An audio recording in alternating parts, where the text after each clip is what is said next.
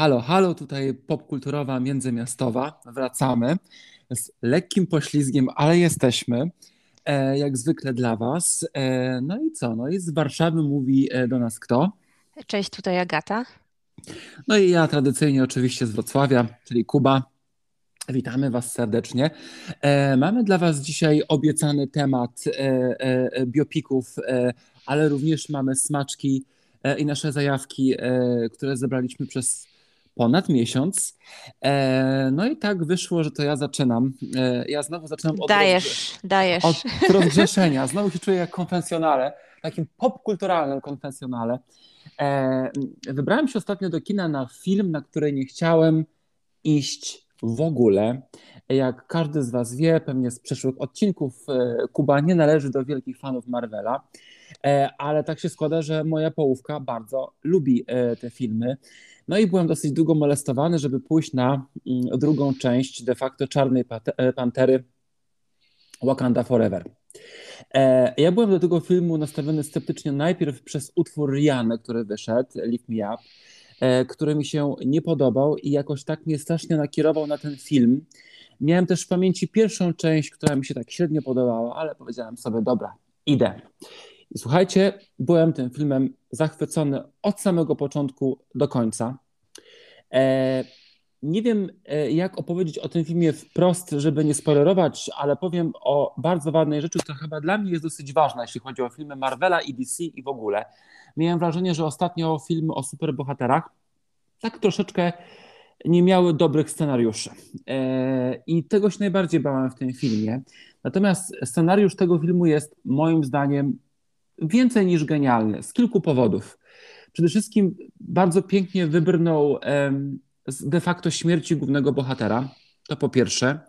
Nigdy nie widziałem tak świetnie pokazanego hołdu, który byłby jednocześnie nieprzesadzony, bardzo wzruszający i bardzo symboliczny. E, po drugie, bardzo mi się podoba przedstawienie i wprowadzenie nowej Czarnej Pantery. Jest to bardzo oryginalne wejście I powiem Wam, że naprawdę jestem zachwycony i czekam, co będzie dalej, jeśli chodzi o tę historię. Po trzecie, bardzo mi się podoba e, czyli e, czarny, czarny bohater, który tak naprawdę do końca nie jest czarny i zły, ponieważ jego dwuznaczność i jego motywacja tak naprawdę niekoniecznie oznacza coś złego. Tak naprawdę, gdyby się stawić z jego strony, to by się okazało, że wcale taki zły nie jest.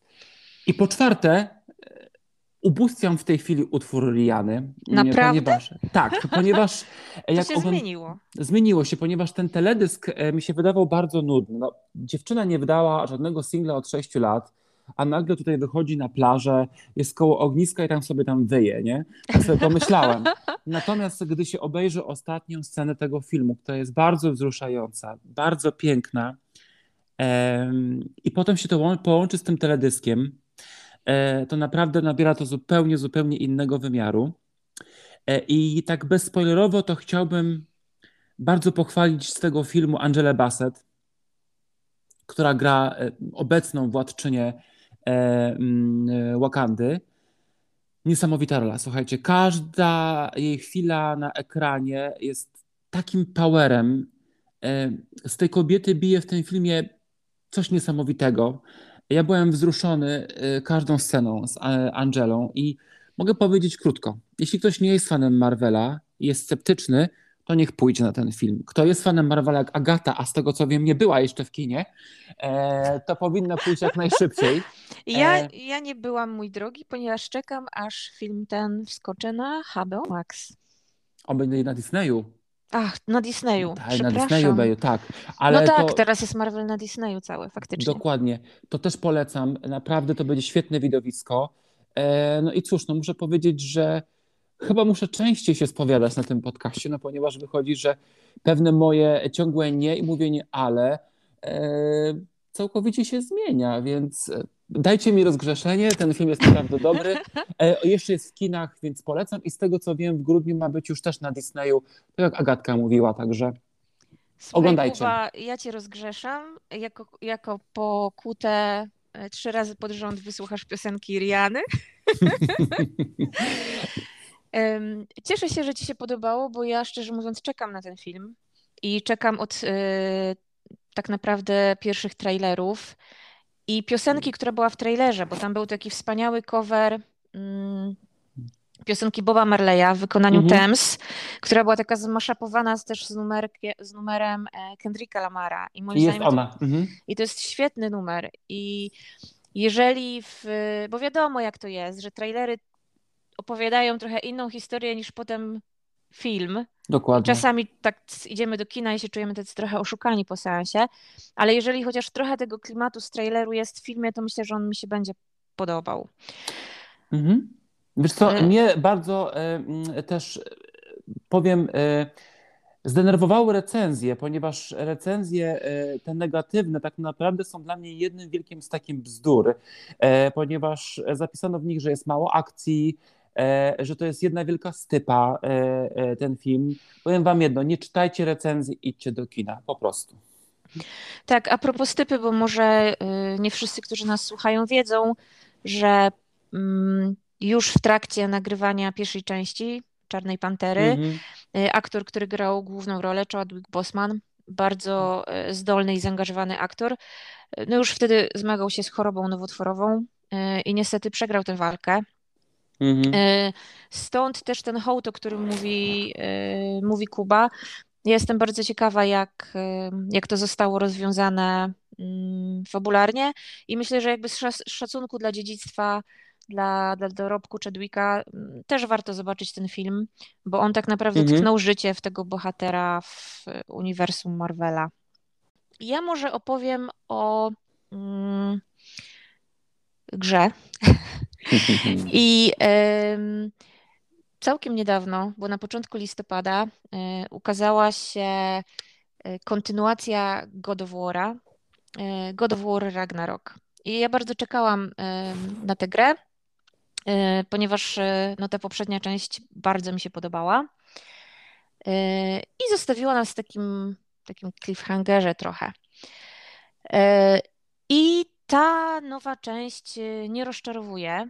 Jest y, dalej y, fantastyczna fabuła, fantastyczna historia, super relacja między głównymi bohaterami, między Kratosem, emerytowanym bogiem wojny, i jego synem Atreusem slash Lokim, ponieważ Atreus odkrywa swoje mm, pochodzenie w trakcie, w trakcie gry.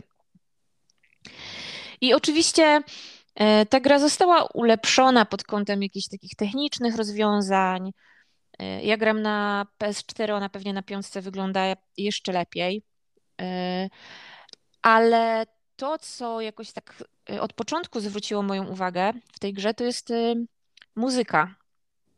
I okazało się, że kompozytorem do God jest Bear McCreary. To jest taki kompozytor, który stworzył wiele charakterystycznych motywów muzycznych e, i do gier, i do seriali, i, i do kina.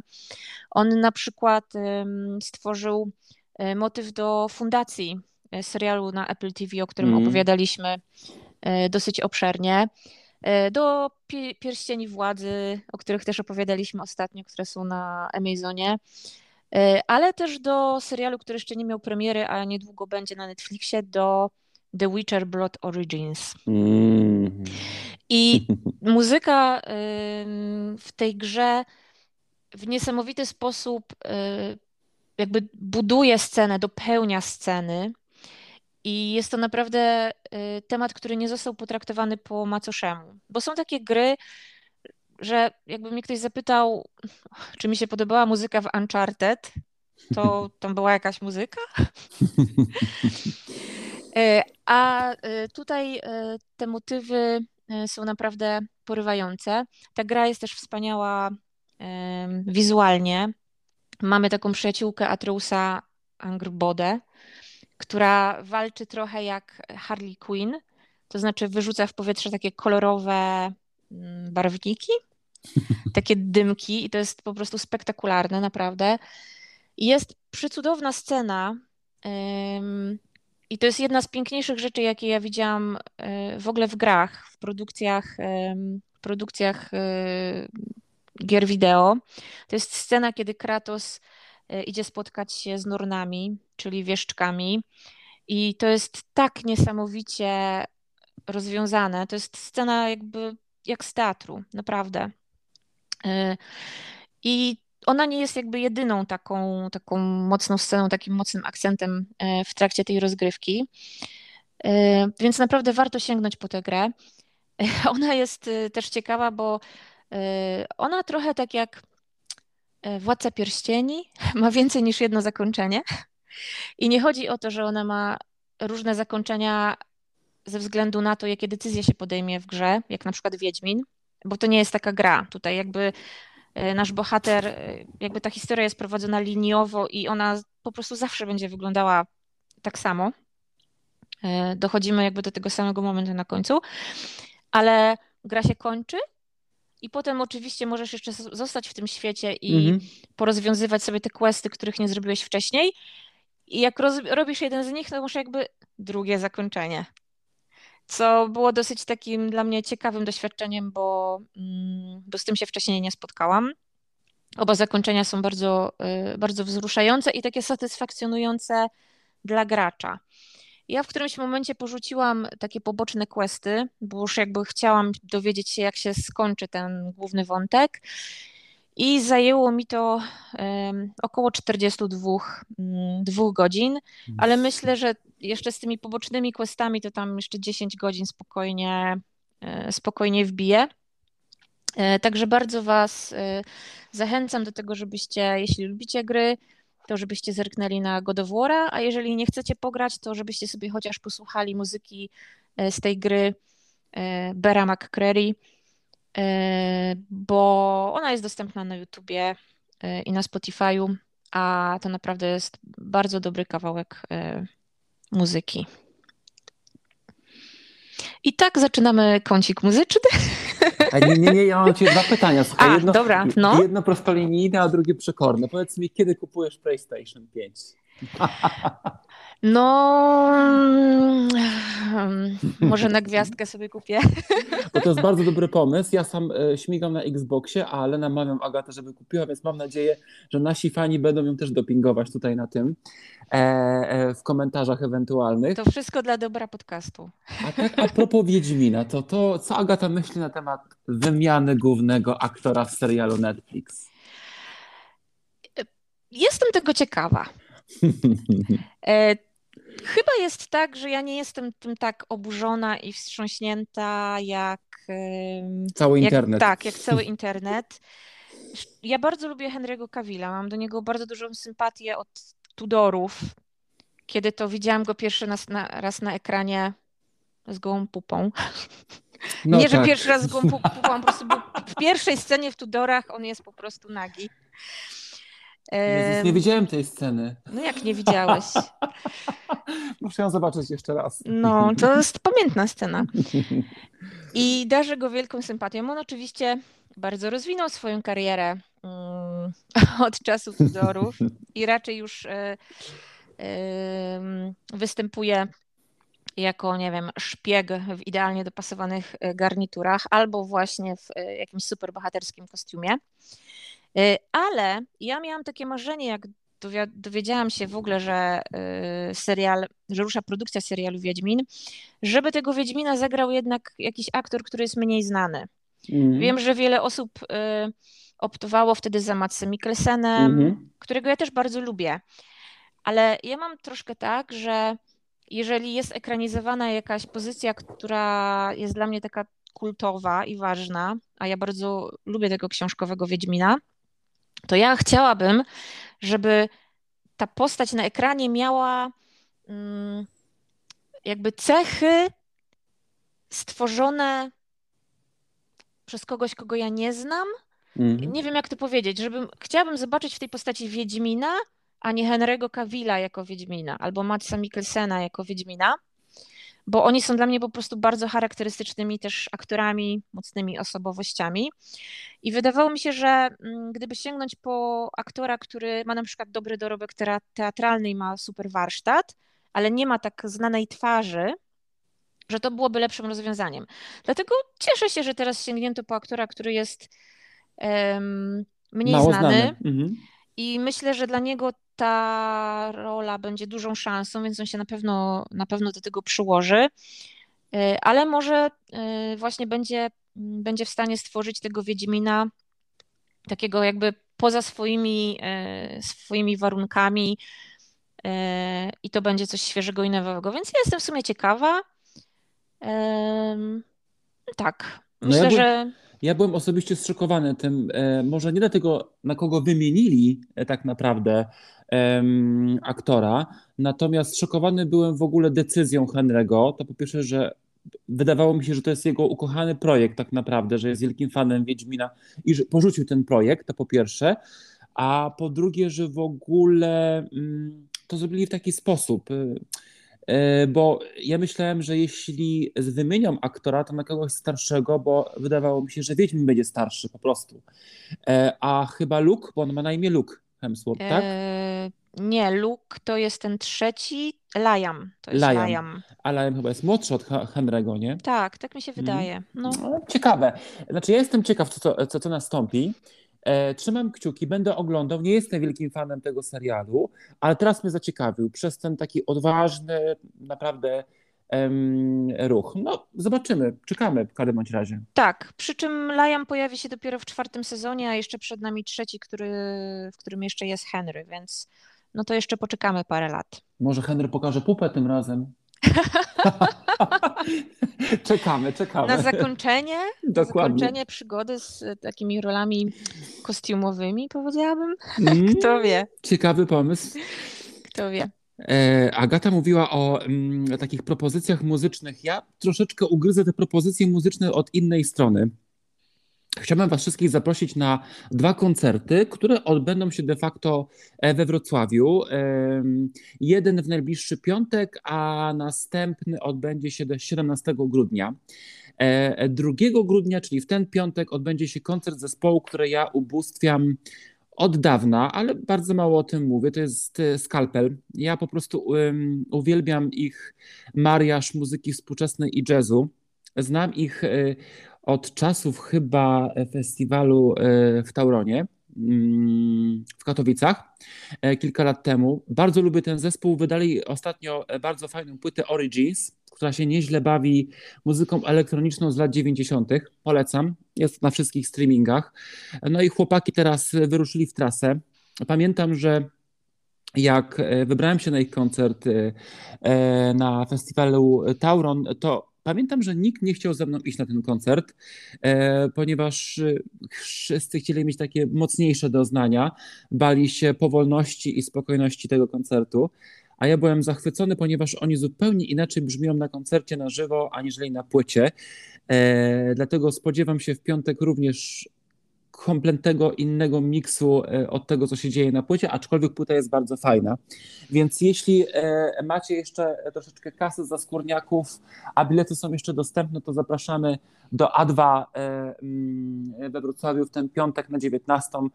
E, Biorąc pod uwagę, że we Wrocławiu jest mało ciekawych koncertów, to ten jest naprawdę nie lada gratką, ale jednocześnie Zapraszam Was również do koncert, który odbędzie się dokładnie tydzień przed e, Wigilią, ale tym razem w Starym Klasztorze. To jest koncert Sorry Boys. E, ten z kolei zespół ja znam e, dzięki mojej drugiej połówce. Mój Wojciech przedstawił mi ten zespół trzy lata temu i od tej chwili jestem zachwycony głosem Beli, która śpiewa w tym zespole. Oni również wydali całkiem niedawno płytę Renesans, która jest nie tak dobra jak poprzednia płyta, ale równie interesująca. Natomiast to jest zespół, który nabiera tak naprawdę powera i takich walorów na żywo. E, Mają e, bardzo fajny, chciałem powiedzieć bardzo brzydkie słowo, ale na szczęście powstrzymałem. E, Fajny, fajny kontakt z publiką. Oni wystąpią z kolei 17 właśnie grudnia w Starym Klasztorze.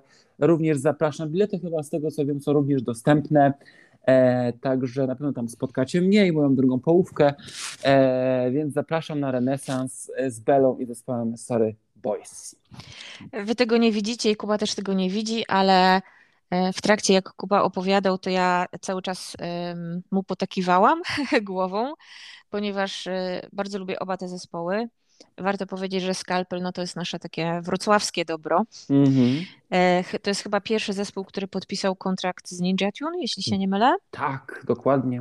Tak, więc oni byli takimi pionierami. E, no i to oni grają naprawdę fantastyczną muzykę. I zgadzam się, że na żywo to jest y, super przeżycie. Mhm. E, ja widziałam ich kiedyś w takim klubie Fabryka w Łodzi mhm. i to była bardzo ciekawa wycieczka. I uwielbiam też głos wokalistki Sorry Voice. E, ona ma czasami takie lekko trochę operowe, trochę takie tak. churalne tak. zaśpiewy mm-hmm. i ja uwielbiam takie rzeczy, więc strasznie ci Kuba zazdroszczę obu tych koncertów i chyba zaraz zobaczę co ciekawego niedługo grają w Warszawie. Będą i chyba Skalpel będzie i, i, i Sorry Boys, bo te tasy się dopiero zaczynają tak naprawdę. Rynek e, koncertów odżywa przecież po tym, po pandemii tak naprawdę, więc artyści teraz nie próżnują i podróżują po całej Polsce tak naprawdę z nowymi płytami i bardzo dobrze dla nas tak naprawdę. No, zobaczymy. Mam nadzieję, że uda mi się pójść, wtedy wymienimy się e, wrażeniami.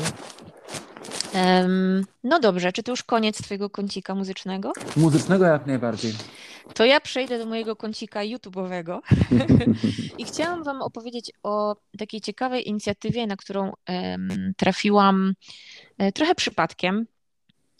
E, I jest to inicjatywa, która to, co jest na YouTubie, jest jakby tylko rejestracją tego, co dzieje się na żywo, ponieważ e, chciałam powiedzieć Wam o Letters Live.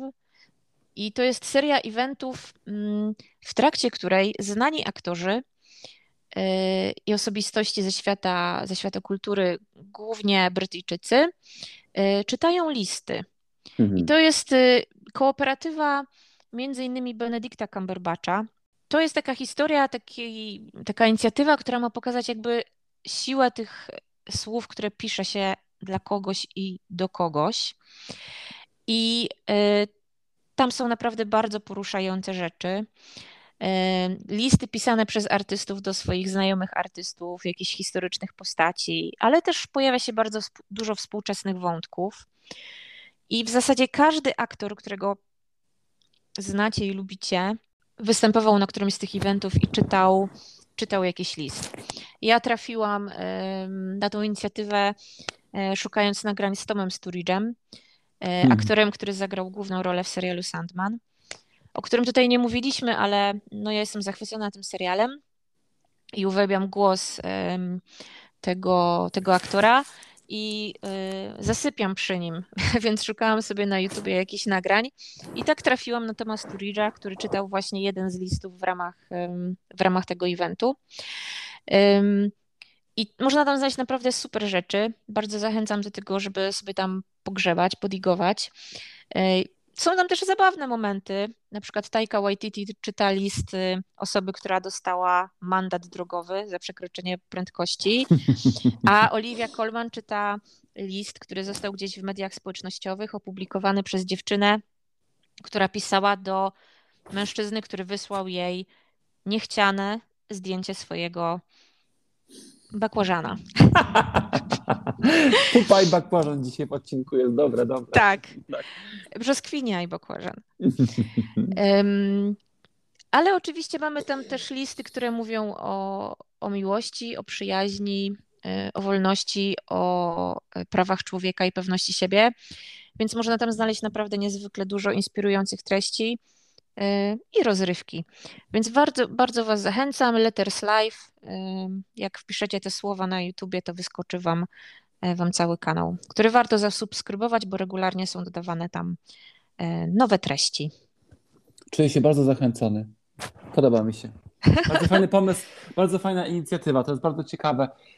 E, na pewno by, że ja uwielbiam Oliwię Colman, więc, więc na, na pewno no i Benedikt. On ma zarąbisty głos. Chyba kiedyś czytał jakiś wiersz, pamiętam, do takiej składanki, pamiętasz? Tak. Y, mm, jak Friend, to się nazywało? Friendly Tales? Chyba Friend... tak. Kurczę, ja mam to na Spotify'u, na playliście, dodam, dodam to. Puściłaś Dobrze... to kiedyś, pamiętam, tak. to było zarąbista, naprawdę. Dobrze, że o tym wspominasz, bo to była super inicjatywa, bo to były chyba cztery składanki muzyczne, mhm. kuratorowane przez różnych artystów i na początku każdej z nich Benedykt czytał fragment y, opowiadania. Jego głos. Też, tak, i to też jest coś, przy czym się fantastycznie zasypia. Także super, że to przypomniałeś. Na pewno podrzucę linka do tego. E, słuchajcie, jest godzina 20. Tutaj wszyscy moi znajomi piszą, że zaczyna się mecz Polska-Argentyna, więc trzymamy kciuki za Polskę. E, my już z Agatą dzisiaj mieliśmy takie śmieszki i hiszki z tego meczu, więc mam nadzieję, że będzie udany dla Polaków. Ale zanim Was wypuścimy na ten mecz wszystkich, to słuchajcie, e, był taki temat, o którym mówiliśmy dokładnie w ostatnim odcinku. E, Agata mnie zostawiła z taką dosyć ciekawą, ale i denerwującą myślą na temat e, filmów biograficznych. Pamiętam, że powiedziałaś mi jedno zdanie, że głównie jeśli chodzi o filmy biograficzne na temat kobiet, one są zawsze pokazywane przez pryzmat kobiet cierpiących albo skrzywdzonych. I to było a propos, pamiętasz, blondynki. Tak. Z Aną de Armas. Ja pamiętam, że jak oglądałem ten film, on mi się ogólnie podobał, aczkolwiek rzeczywiście tam jest Merlin pokazana tylko przez pryzmat swojego cierpienia, jak i również y, tak naprawdę jej wykorzystywania e, e, w tym środowisku. I tak sobie pomyślałem, czy, czy w ostatnim czasie widziałem jakiś film biograficzny, e, fabularny film biograficzny, to trzeba podkreślić, który mi się podobał. Powiem Wam, że ta refleksja i to wiercące zdanie Agaty, tak naprawdę, e, doprowadziło mnie do smutnej odpowiedzi. Mi się generalnie żaden ostatni biopik nie podobał, ponieważ tak, nie jestem fan, fanem e, Bohemian Rhapsody. Ja wiem, że Rami Malek tam zagrał niesamowicie i się zgadzam. Głównie jeśli chodzi o występ na e, Wimbledonie, na Live Aid. Okej, okay, racja. To jest znakomity fragment, ale sam treść tego filmu i wygładzenie historii Frediego, wyprasowanie takie po prostu ostateczne spowodowało, że ten film de facto jest nudny. No dobra, troszeczkę był lepszy film e, o Eltonie Johnie, ale to przez to, że było troszkę inne ujęcie tego filmu. Ale czy on mi się do końca podobał? Aaron, Aaron, dobrze mówię? Jak on się nazywa, aktor, co grał Eltona? Taron Egerton. Taron, widzisz? Taron, widzisz? Taron, Taron Egerton.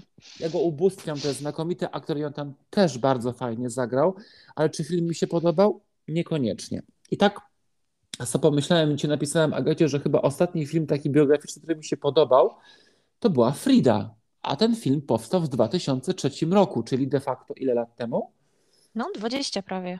No, prawie 20 lat temu. Mi się ten film podobał e, głównie z tego powodu, że no, zarąbiście zagrała Salma Hayek, ale bardzo mi się podobała plastyczność tego filmu i te wszystkie wstawki z ożywianymi jej obrazami. Nie wiem, czy pamiętasz te fragmenty.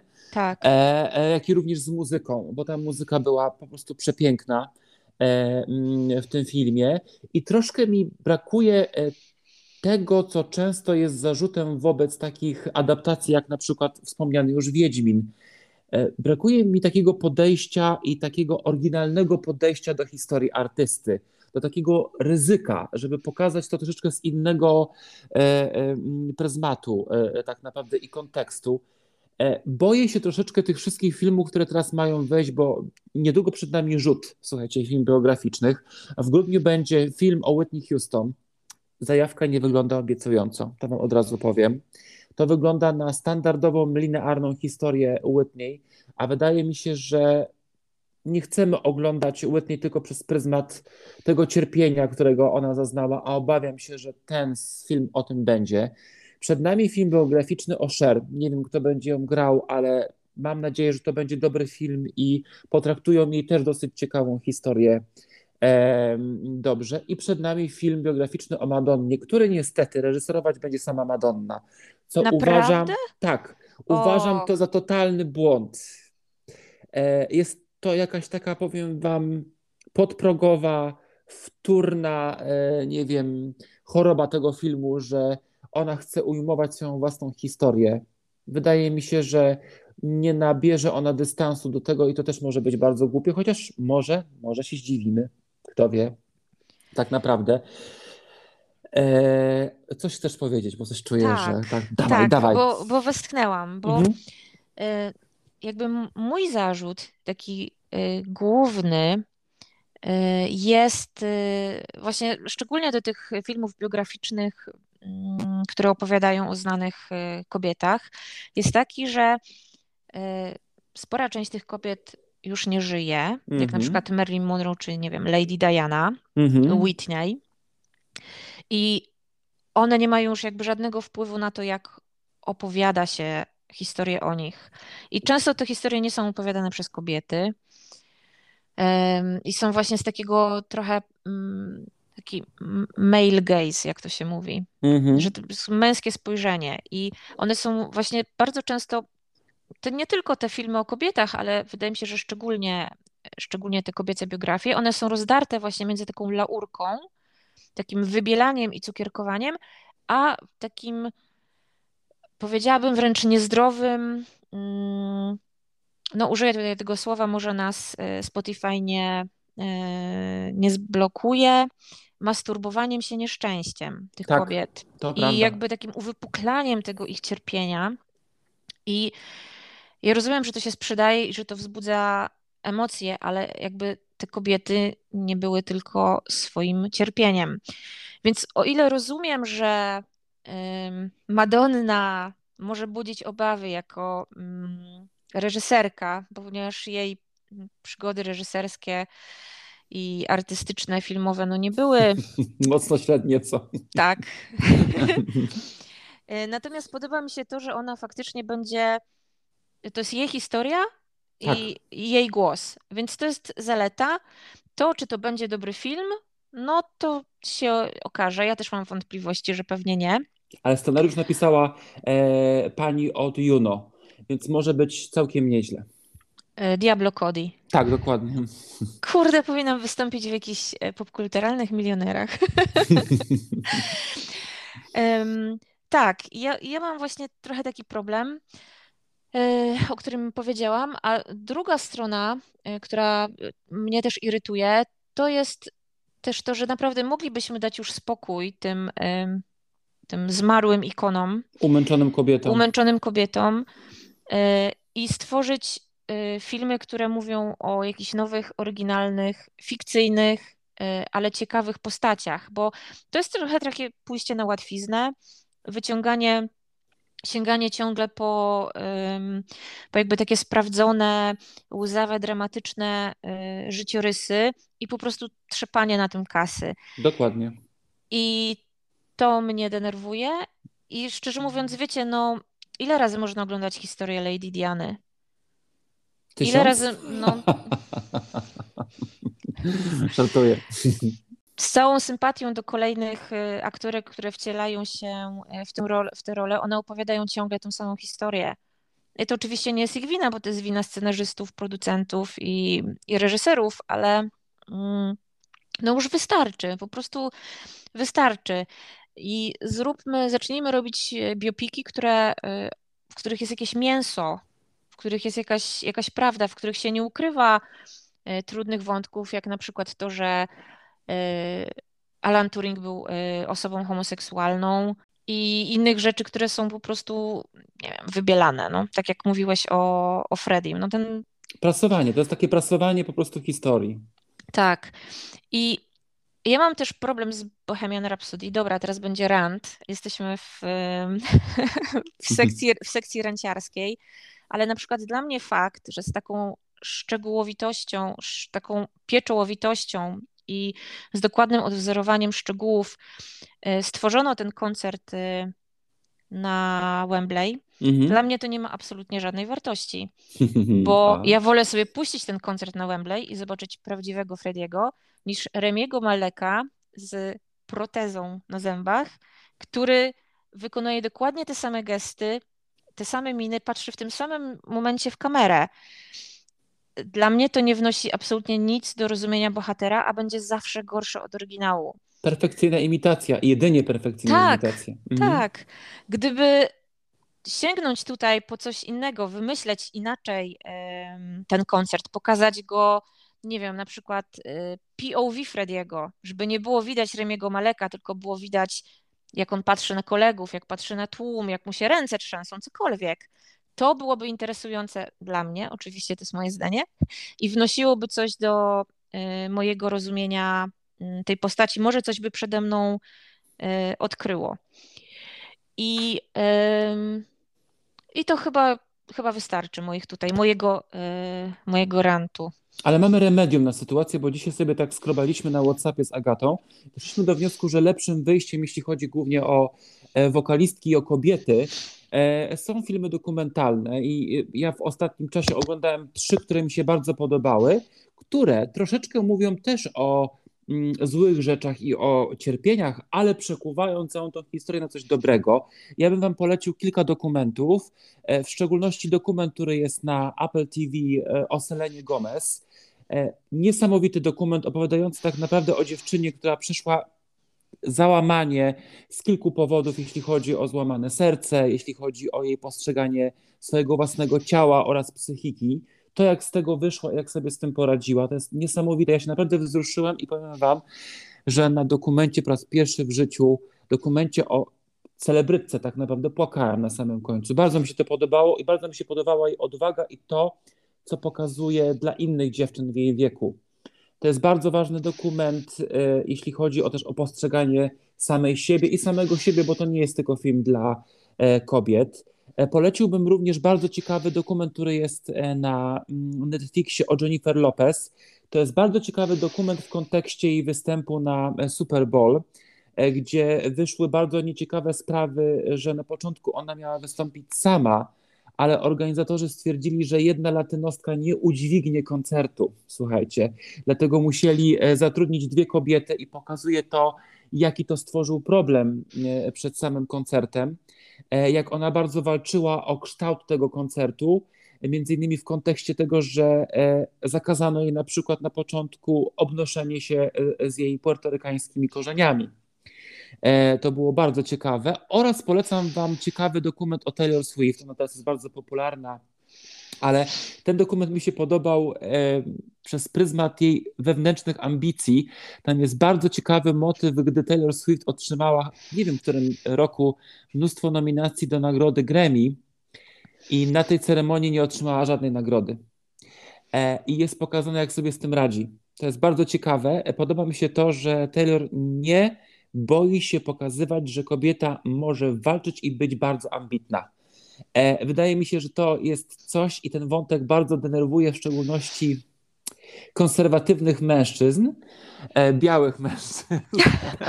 Nasz ulubiony bohater tak. zbiorowy, konserwatywni, Dokładnie. starzy, biali mężczyźni. Tak, mi się podoba, że ona prosto do ekranu mówi, że miała taką ambicję, chciała wygrać i jest jej cholernie smutno, że nie wygrała to mi się bardzo podoba, bo w tym jest pewna odwaga. Ja nie lubię takiej pseudo-sztucznej hipok e, hipokryzji, jeśli chodzi o pokorę, w szczególności którą się oczekuje od kobiety bardzo często. A ona się tego nie boi. Jestem ambitna i kurde, mam prawo chcieć coś zdobyć. I to jest właśnie temat e, tego dokumentu, między innymi.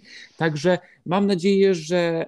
Yy, że dokumenty będą lepsze od biopików, a przyszłe biopiki będą całkiem dobre i będą ryzykowały po prostu, a nie będą się, uwaga, masturbowały jedynie. Tak, tak. Dokładnie. To ja na zakończenie chciałam opowiedzieć o filmie, mm, który też jest historią znanej, e, znanej postaci, znanej kobiety, w zasadzie e, młodej dziewczyny. E, to nie jest wybitny film, ale ma kilka bardzo dobrych e, momentów. E, I mowa o filmie Pływaczki, The Swimmers. I jest to film, który e, parę dni temu dosłownie wskoczył u nas na Netflixa. Netflix jest jego głównym dystrybutorem na świecie. Reżyserką jest Sali El Hossani, a jest to historia dwóch sióstr, Yusry i Sary Mardini. I o Jusrze Mardini, Jusrze, e, być może słyszeli, słyszeliście, ponieważ jest to dziewczyna, która mm, jest olimpijką, występowała w barwach olimpijskiej reprezentacji uchodźców e, w 2016 roku w Rio, a rok wcześniej, w 2015 roku, uciekła wraz z siostrą z bombardowanego Damaszku. Musiała porzucić Syrię, musiała porzucić pływanie, które kochała. Już wtedy była reprezentantką swojego kraju w, na Mistrzostwach Świata w pływaniu i musiała uciekać, żeby po prostu przeżyć. I ten film ma bardzo prostą konstrukcję. On po prostu tak e, chronologicznie pokazuje mm, wydarzenia, e, życie tych e, dwóch dziewczyn. Tak naprawdę dzień chyba przed tym, jak spadły pierwsze, pierwsze bomby w Syrii. Ale jest tam kilka bardzo pięknych rozwiązań wizualnych, które chwytają gdzieś, gdzieś za serce. I jest to film, który jest w pewien sposób laurką dla głównej bohaterki, bo mamy tutaj oczywiście e, jakby pochwałę jej wytrwałości, e, parcia do tego, żeby nie porzucać swoich marzeń, żeby pomimo tej wielkiej tragedii, która wydarzyła się w jej życiu, przygotować się i wystartować w, na olimpiadzie. Ale ten film pokazuje ją też e, jako dziewczynę, która jest uparta, E, troszkę zarozumiała, która nie widzi swojej siostry i jej potrzeb, która jest zafiksowana na jednym właściwie e, marzeniu. E, więc wydaje się, że jest to dosyć szczere przedstawienie. Mnie ten film bardzo poruszył i myślę, że w, warto go sobie przypomnieć, ponieważ no, uchodźcy do Europy ciągle, e, ciągle napływają. E, ta pomoc jest ciągle potrzebna i my już trochę tak zobojętniliśmy chyba na te tematy i nie zdajemy sobie sprawy, jak mm. strasznie to wygląda. A Jusra i Sara, żeby dostać się do Europy, e, wsiadły w Turcji na dmuchany ponton wraz z liczną grupą innych uchodźców i w którymś momencie ich przeprawy E, zepsuł się silnik i ten ponton zaczął nabierać wody. E, I Sara i Yusra, żeby uratować siebie i uratować innych, wyskoczyły z tego pontonu i przez trzy godziny holowały go do brzegu greckiej wyspy Lesbos. E, więc to był naprawdę wyczyn na miarę mm, superbohaterek. Niesamowite. Tak. Więc warto mówić o takich, o takich historiach. I tak jak mówię, ten film ma kilka naprawdę bardzo dobrych momentów, które są niezwykle poruszające, kiedy dziewczyny, e, na przykład, kiedy dziewczyny bawią się na dyskotece, tańczą do e, utworu Sea, są tam takie słowa, że a to jest chyba Titanium kawałek, mhm. że jestem bulletproof. Tak, Titanium. A na horyzoncie miasta zaczynają już e, spadać pierwsze, pierwsze pociski, pierwsze rakiety. E, więc jest to bardzo, bardzo e, poruszające. I myślę, że jest to zrobione tak właśnie ze smakiem. W sensie ta ilość ciężkich momentów i wesołych momentów i dramatycznych y, momentów i tych podniosłych jest tutaj zrównoważona. Więc na pewno warto zobaczyć, zobaczyć ten film. Y, I tak, myślę, że to taką dosyć obszerną listę różnych polecajek dzisiaj zaproponowaliśmy. Po takiej przerwie? Po takiej przerwie. Nazbierało Mamy prawo. się. Dokładnie. No dobrze, kochani. Dziękujemy, że byliście z nami. Mamy nadzieję, że skorzystacie z, z naszych rekomendacji. Dajcie nam znać na fanpage'u na Facebooku, co Wam się podobało. A my obiecujemy, że wrócimy niebawem, pewnie z jakimś podsumowaniem e, całego roku. I jeszcze w tym roku. Jeszcze w tym roku. Może pojawimy się pod choinką? Kto wie? Kto wie? Kto Dokładnie. Wie? Proszę zostawić ciasteczka dla Mikołaja. Dokładnie.